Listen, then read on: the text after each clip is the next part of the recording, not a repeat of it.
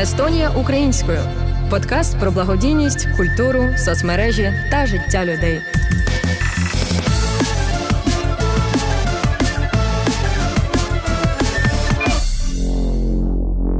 Вітаємо вас, шановні слухачі. Ви на другому сезоні подкасту Делфі Естонія українською. Цей подкаст створено за підтримки фонду інтеграції Естонії.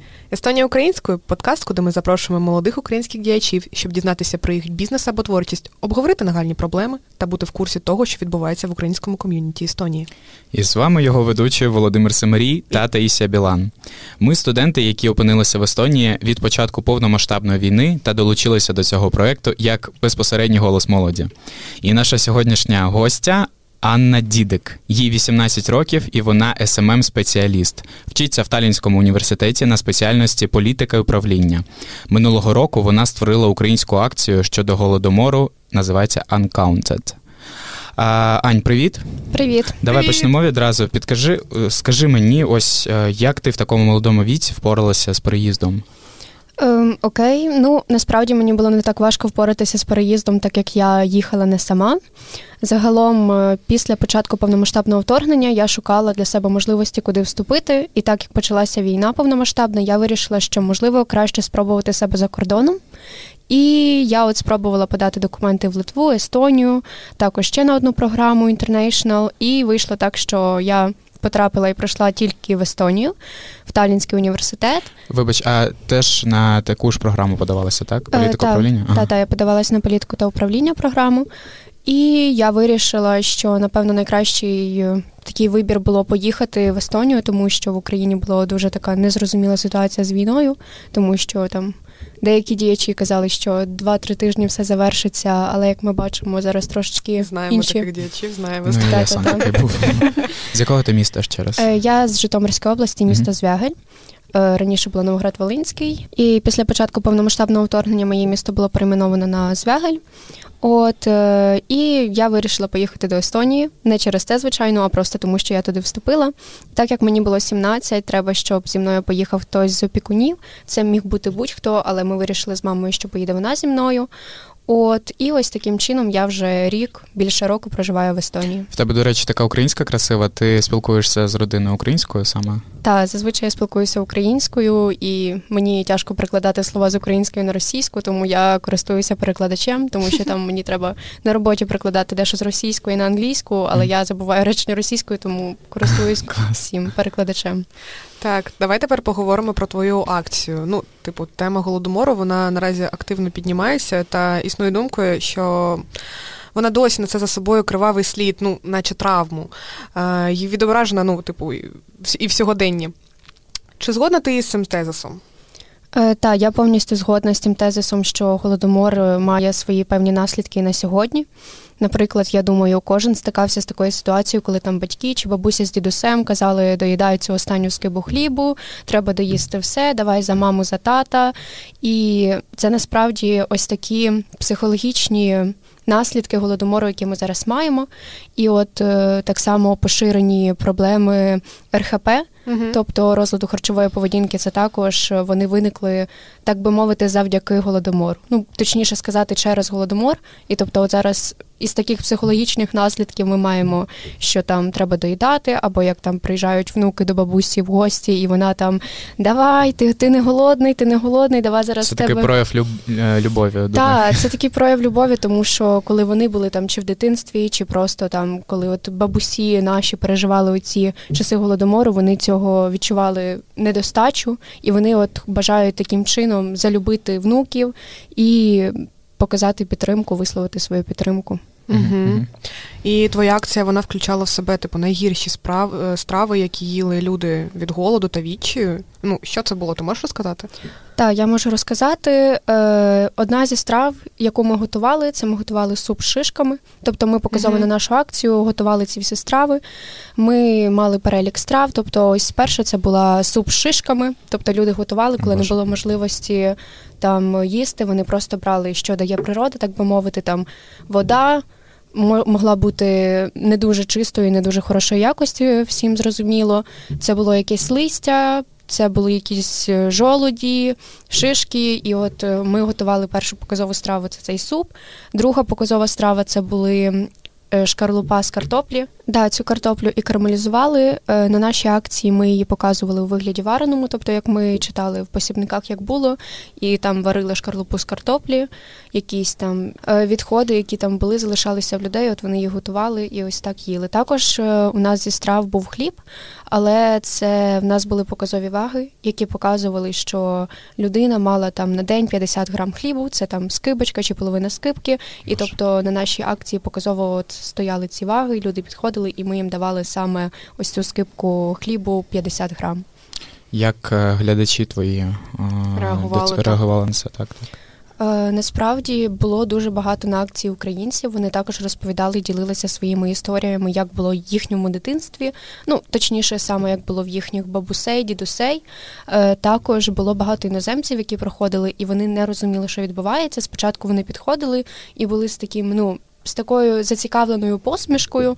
А потім, в результаті, коли ми їм вже розповідали про цю історію, то вони вже так трошечки ішли засмучені з такими історичними фактами, але насправді це була наша мета там не засмутити когось, а просто поширити ну, правду і, ага. і показати про голодомор, як він був в Україні і як він перетинається з сьогоденнішніми подіями. Ну з цього випливає питання, що е, всі ми знаємо, що пам'ятати ну такі важкі події це дуже важливо. Але твоя акція вона ну не нагадувала українцям, а демонструвала естонцям. Е, чи була це якась е, єдина можливість створити цю акцію, тобто на території Естонії, або ти хотіла донести щось іноземцям? Е, Та в нашій акції була більша мета, ніж просто донести і розповісти іноземцям і естонцям, зокрема про голодомор.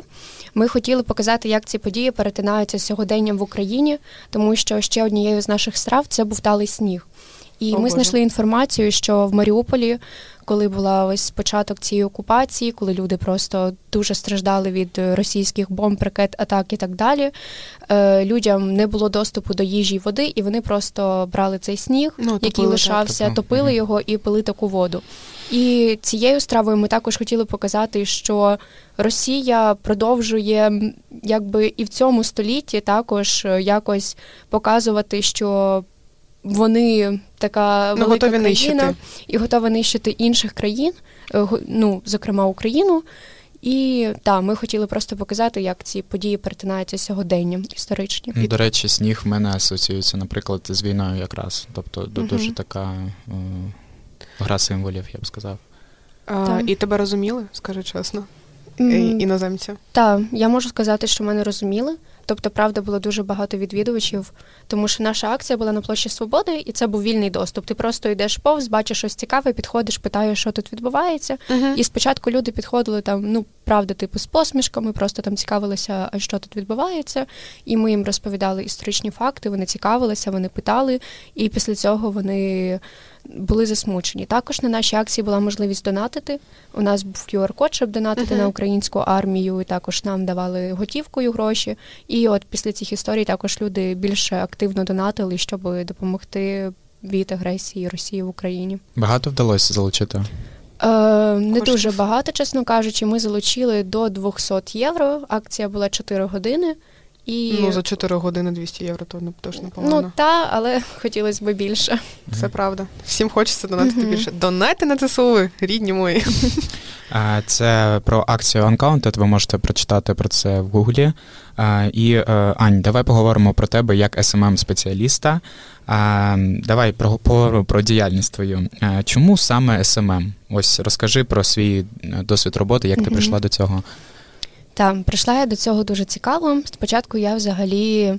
Я завжди цікавилася якось соцмережами, але проте там такого бачення, що я хочу бути самим спеціалістом, у мене ніколи не було. І взагалі я вважала це якась така, знаєте, творча професія. І оцей стереотип, що несерйозно. Ну, та, так, та, так, та, так, що ага. воно несерйозно. Я ж типу вчуся а на де полі... соцпакет, а та, де та, пенсія? А де диплом, да. Блін. Да, в мене досі, мене мама досі питає: от Ань, ти зараз працюєш, а тобі там е, буде стаж на пенсію? Реально. Я така, oh my god, ні, будь ласка, можна без тих питань. І вийшло так, що я коли приїхала в Естонію, на другий місяць навчання я почала працювати в благодійному проєкті українському Ого Ukraine. Це mm. проєкт, який працює з українськими дітьми-біженцями. Ого-го. Так. так. Прекрасний каламбур. Е, і я працювала помічником вихователя, а також працювала помічником менеджера. Тобто я там представляла наш проект для партнерів, разом ми якось гранти шукали і залучали там якусь можливість е, грошей, тому що проект благодійний і фінансування на нього від держави немає. І після того я попрацювала півроку. Я відчула, що я так трошечки, чесно кажучи, вигоріла на одній роботі, і плюс мені стало страшно, що оце може стати моя робота раз і назавжди. А, так, так, так. Та, Бо в мене така ситуація, типу, в сім'ї, що, наприклад, батьки вони так, типу, от взяли одну роботу і працюють 20 років. У мене є старша сестра, їй 33 роки. Вона то вже більш така модерна, так би мовити, людина, то вона там міняє роботи. Mm-hmm. Але от в мене був такий страх, що це все. Я працюю на цій роботі, я лишуся до кінця життя. Ой, ну, є таке, так. 18 боятися цього ще ну. ну жиза. Я тут плюсую. Я теж СММ займаюся, до речі, і е, трошки сексизму тут. Е, я постійно думав, що це дівоча професія, саме це не серйозно зовсім. Але взагалі, якщо подумати, то маркетинг це дуже важливо. Mm-hmm. Так, е, це 70% успіху будь-якого бізнесу. Так. І якщо ти хочеш бути е, хорошим спеціалістом і казати про це на весь ринок, е, який ти залучаєш, то е, маркетинг це найперше, що тобі треба зробити. Блін, хтось знає копірайтинг це СММ? Так, так, так. Це Блін, я також частина. в СММі. Всі в СММі, ми всі. Так, я повністю погоджуюся, що маркетинг це велика частина успіху для кожного бізнесу. Тобто, от вчора ми так само розмовляли з друзями про бізнес і маркетинг, і в мене якось в голові асоціації з цими словами змішались, тому що я не бачу собі ні бізнеса без маркетингу, ні маркетингу без бізнесу. От mm-hmm. Для мене це дві такі складові, які завжди йдуть, знаєте, е, нога в ногу, так би мовити, разом. Mm-hmm. Ну, це ж і зараз інформаційна така mm-hmm. постійний інформаційний потік, в якому ми маємо хоч якось орієнтуватися, і маркетинг просто допомагає виділити хоч щось. Дізнатися щось взагалі. Е, ну, до речі, чому ти вважаєш, що СММ такий важливий для сучасного бізнесу, як про це кажуть? Угу. О, ну, я можу сказати, що СММ дуже дуже важливий для сучасного бізнесу, тому що от СММ це взагалі соцмережі. Тобто я дуже знаю мало мало людей, які не використовують соцмережі. Ну тобто, зараз я згадаю, це буквально дві-три людини з мого якогось там оточення, але це типу бабуся, ну не рахується. І то, і то і там да. Я можу сказати, що навіть бабусі, там мами, старше покоління, вони дуже активні в Фейсбуці. Е, До речі, дуже платіжо, е, як як правильно сказати, та як та, що купує е, аудиторія.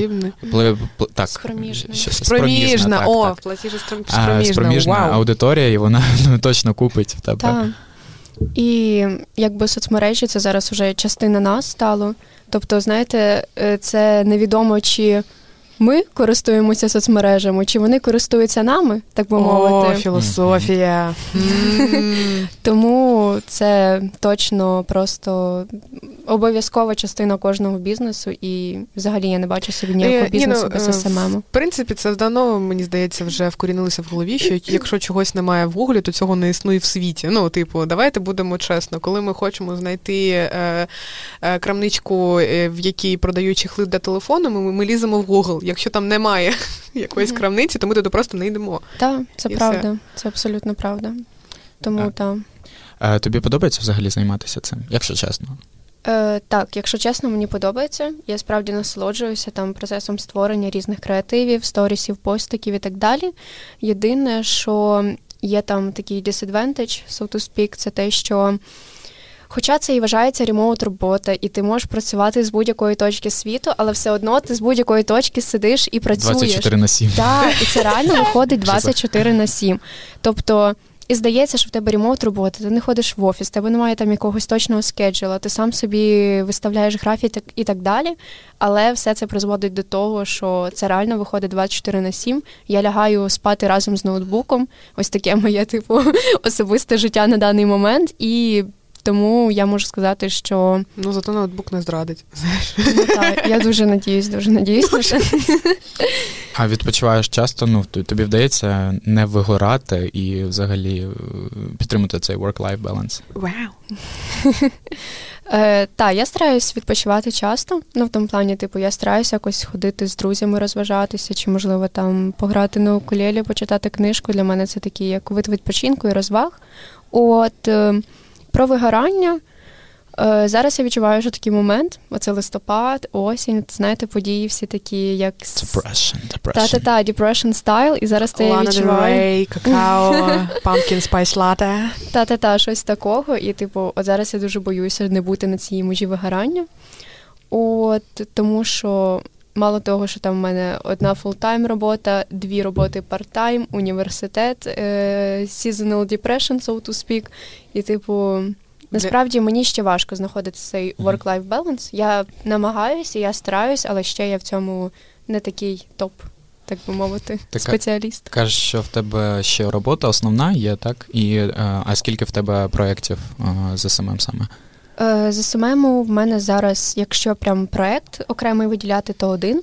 Але просто от в мене є робота в Україні, я працюю remote, і це full-time робота. Тобто я, окрім того, що там працюю в СММі, також я модерую наші там відгуки, коментарі, тобто також менеджер відгуків і коментарів в Україні. І також зараз я контент-креатор в нашому Талінському університеті. І також створюю там TikTok контент. Тобто оці партайм роботи, вони здається, і займають там не так багато часу, точніше, не так багато завдань, але часу ці завдання все одно займають. Ми От. іноді знецінюємо. Так, ну, е, наприклад, якщо ролик один створити, це піде на монтаж тільки е, десь година часу, якщо ти хочеш нормально зробити, так? Ще зйомки, Мгм, треба так. домовитися зі всіма. Тобто це не тільки маркетингова, напевно, робота, але ще орган- організаційна. Так, це насправді так. А що, а щодо ось е, доходу, ти задоволений ним? Так, наразі я задоволена своїм доходом. На поча... ну, точніше, я була задоволена своїм доходом завжди, в тому плані, що Для Бог м- дав, я взяла, дякую Богу. Хоч лужайку. скокати, да. Та-та-та. Да, дякую Богу, так би мовити. Але я чого була задоволена завжди своїм доходом, тому що от доход мені, мій дохід дозволяє мені покривати там мої базові потреби, мої потреби, які я просто там люблю, піти з друзями відпочити, там щось купити. Неважливо що. Ой-ой-ой. Е, Мікрофон новий. Ну да, да. мікрофон новий точно. Коли, давай- коли, коли покупав ну, новий мікрофон? А, раз. та десь півроку тому я ролики записував. Блін, це був жарт. Вова. Окей, продовжуємо. От і чого я сказала, що для мене дохід не так важливий, тому що для мене дуже важливо, щоб е, в мене співпадали на роботі е, такі чинники, як хороший колектив, там нетоксичний менеджмент. І щоб я могла розвиватися. Тобто мені важлива можливість розвиватися на своєму робочому місці. Тобто я насправді могла би зараз заробляти, якщо б я працювала десь просто в Естонії, не smm спеціалістом а якщо б я просто можливо пішла в ресторан офіціанткою, чи там не знаю, просто чимось таким займалась не в СММ, я б могла б заробляти більше насправді. Можливо, там на євро 500 більше. Але для мене я не бачу розвитку в тих роботах. Тобто, якщо я буду офіціанткою, та я розвину якісь скіли, якісь там, але не точно ті. Бистро ходити. Типу, шв- шв- Швидка хода та ось ця е, Ну, комунікація з клієнтом, та та та це правда, але бути не, вічливою. Так, це точно. Але не знаю, чи воно в житті завжди треба, ну то вже таке е, окрема тема подкасту. А в тебе був е, токсичний менеджмент? Е, ні, в мене не було токсичного менеджменту, і для мене насправді це подив, тому що, типу, ось в мене була перша робота, і взагалі я дуже рада, що моя перша робота була саме така remote. Тобто я і зараз працюю. Я пройшла е, як smm модератор в українську it компанію і там насправді дуже класні колеги. Тобто я там в мене немає проблем взагалі з колегами. У нас типу communication – це як ключ е, до вирішення будь-яких проблем. Тобто діалог це основа всього. І мені подобається, що зараз мої подальші роботи я будую в такому ж напрямку. І так, тому в результаті не так важливий дохід, як от важливі оці пункти, щоб був self-development на робочому місці, і також от е, хороший колектив. Угу, супер. А підкажи, а скільки може заробляти взагалі самим спеціаліст, якщо ми беремо про і початківця? Це дуже хороше питання, і насправді це дуже залежить від регі- від регіону. Якщо ми беремо Естонію, то я знаю, що тут можна в принципі добре почати заробляти, коли ти початківець. Ну наскільки мені відомо, це десь від 700 євро. Угу. Тобто я не знаю особисто, бо я почала свою роботу в СММі в Україні, і моя заробітня платна платня, платня, платня? Все гаразд. Так, так. складала близько 500 євро на початку. От е, і ну для Естонії це зрозуміло, що невеликі гроші, але там в мене були ще якісь свої фінансові збереження, тому мені вистачало. От е, зараз я не вважаю себе про спеціалістом, але от я розвиваюся і зараз я не можу себе назвати вже початківцем, тобто такий е, впевнений середнячок, так би мовити. Якби порівням англійською, то я десь бідва в СММі. О, так це нормально вже. Можеш екзамен здавати. Та чудово, де їх здають. Реально? А де їх здають? А, е, ну є мета Facebook е, екзамен. Якщо ти отримуєш верифікацію там для компанії чи для себе, то ти, типу, реально верифікований спеціаліст, до тебе будуть звертатися з е, цим сертифікатом. Чудово. Ну, то Це типу цікаво. тестик пройти чи Так, що? так, реально тест пі- е, пройти від Фейсбуку. Ну, Вони, напевно, там будуть накидувати питання.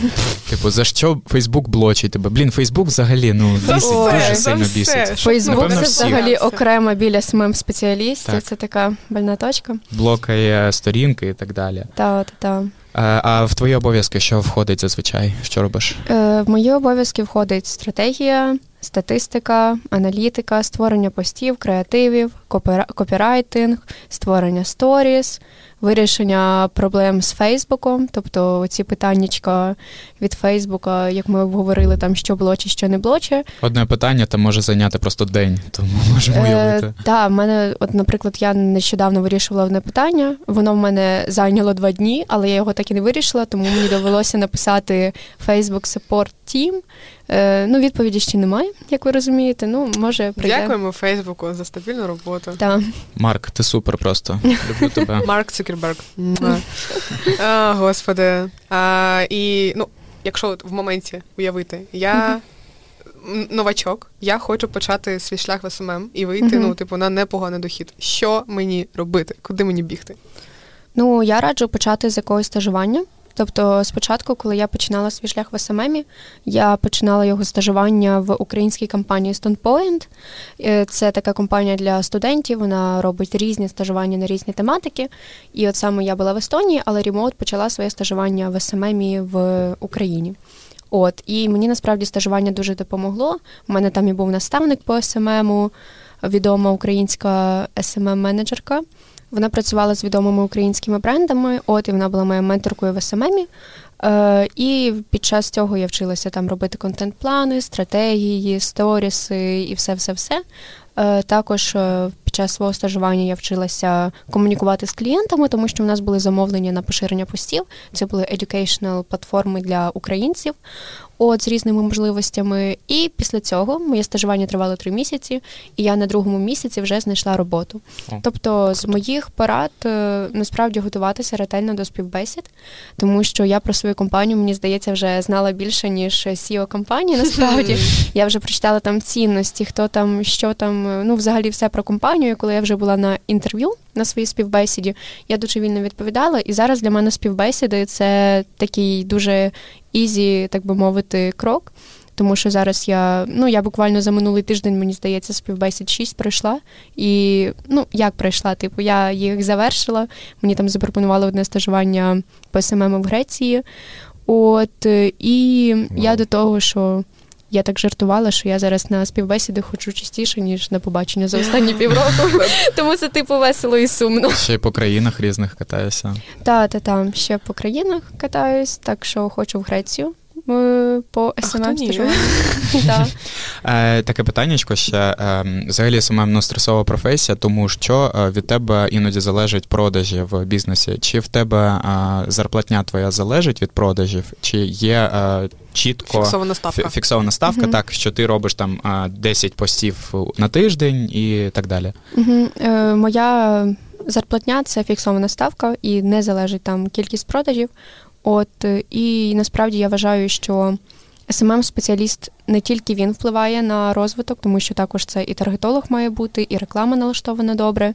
І насправді робота була виконана. Якщо вона не принесла там певні показники, їх просто треба проаналізувати, проговорити з клієнтом, подумати, як змінити стратегію і рухатися в цьому напрямку. Угу. Які тренди в соціальних мережах ми можемо спостерігати в найближчому майбутньому, і як компанії встигають за ними? Е, ну, це дуже хороше питання, але на нього немає відповіді. Тобто, насправді, як розвиваються тренди і якими вони будуть там сьогодні, завтра, післязавтра, це дуже важко передбачити, тому що, ну, наприклад, е, зайдеш в TikTok, там взагалі можуть вирізати якийсь мем, і взагалі це шоу могло бути 2008 року. З нього вирізали там якусь е, частинку, і після цього зробили мем. Ми тут за кадром поспілкувалися, не сподобалося питання мої соведучі. Я зрозумів, чому. Бо е, мені здається, я хотів би ще дізнатися, які тренди саме зараз є. Тобто е, це був AI е, нещодавно, так? Mm-hmm. Які б ти назвала як, як СММниця? Ну насправді зараз серед трендів можна виокремити рілси і TikTok відео, тому що вони справді класно залітають, і ти можеш е, потрапити в тренд, не купляючи рекламу. Тобто Reels може просто органічно привести тобі певних покупців, певних просто підписників, так само і TikTok, і це насправді дуже круто. І от поки зараз TikTok ще такий, так би мовити, органічний продукт, його треба використовувати по максимуму, щоб залучити до свого продукту людей. І так само рілси, тому що раніше інстаграм там в 2017-му взагалі був органічним, і так само як в Тіктоці можна було легко привести підписників, коли ти просто активний блогер, постиш там, показуєш своє життя і так далі. Зараз інстаграм вже працює по-іншому. І от зараз Тікток це інстаграм 2017-му, тому треба використовувати Тікток по максимуму. Mm. І от е, так само в Тіктоці треба підлаштовуватися і під тренди, які ти бачиш. Тобто, якщо ти бачиш щось новеньке, спробуй зняти під цей звук, там під ці хештеги таке ж, але просто по-своєму. Просто переформатуй ідею, тобто і залетив тренд рік. Ну до того ж, я хочу сказати, що українська культура, ось така саме інтернет-культура, вона зараз на своєму піку, бо дуже багато людей перейшли на українську мову, з'являються українські меми, українська е, культура, вона цвіте, тому я думаю, що тут реально потрібно хапати момент в цьому в цьому весь прикол зараз, що куди не пхнися, зараз е є є контент і є де розвиватися. До речі, ти про органіку е, згадала. Е, що краще, е органіка чи таргет? Поясню одразу, органіка е це ми не використовуємо рекламу в СММі, а сподіваємося таргет... на випадок просто. Так, так, ну типу того. Ну тобто, якщо ваш пост там в рекомендаціях побачить, то круто. Або ми бустимо його, ми закладаємо туди бюджет і витрачаємо гроші. Насправді е, я вважаю, що в цьому має також бути баланс, тобто треба і органічно приводити підписників, і так само таргетом. Тому що коли я стажувалася в СММі, от мені менторка сказала дуже хорошу фразу. Тобто, якщо ти там накриваєш на стіл вдома, готуєшся, але ти не сказав про це своїм друзям чи знайомим, тобто ти будеш сидіти за своїм гарним столом, але ніхто не прийде. А от якщо ти прорекламуєш, що сьогодні там у мене о восьмій вечірка, і там прорекламуєш, що в тебе там буде не знаю, якесь е, весілля, ну, та, та, та суперсвято, от тоді люди прийдуть, і тоді люди зможуть насолодитися твоїм продуктом. Тобто це така аналогія саме якоїсь вечірки з продуктом, тому що якщо ми маємо гарну сторінку, там гарні рілс, гарні сторіс, все просто ідеально оформлено, але от не залучені користувачі, і вони оце не побачать через таргет, то це насправді трішечки марна справа. Угу. Круто. Ань, дуже дякуємо тобі. Так, Було дуже дякуємо. цікаво. Я думаю, всім смм спеціалістам або е, всім, хто захоче працювати в СММ, буде цікаво послухати. Е, і наш подкаст Естонія українською добігає кінцю. З вами була наша гостя Анна Дідик. Та, та, та, всім привіт. І вже пока. І вже пока. Та ваші Володимир. І Таїсія. А, І цю та інші передачі було створено за підтримки фонду інтеграції Естонії. Естонія українською.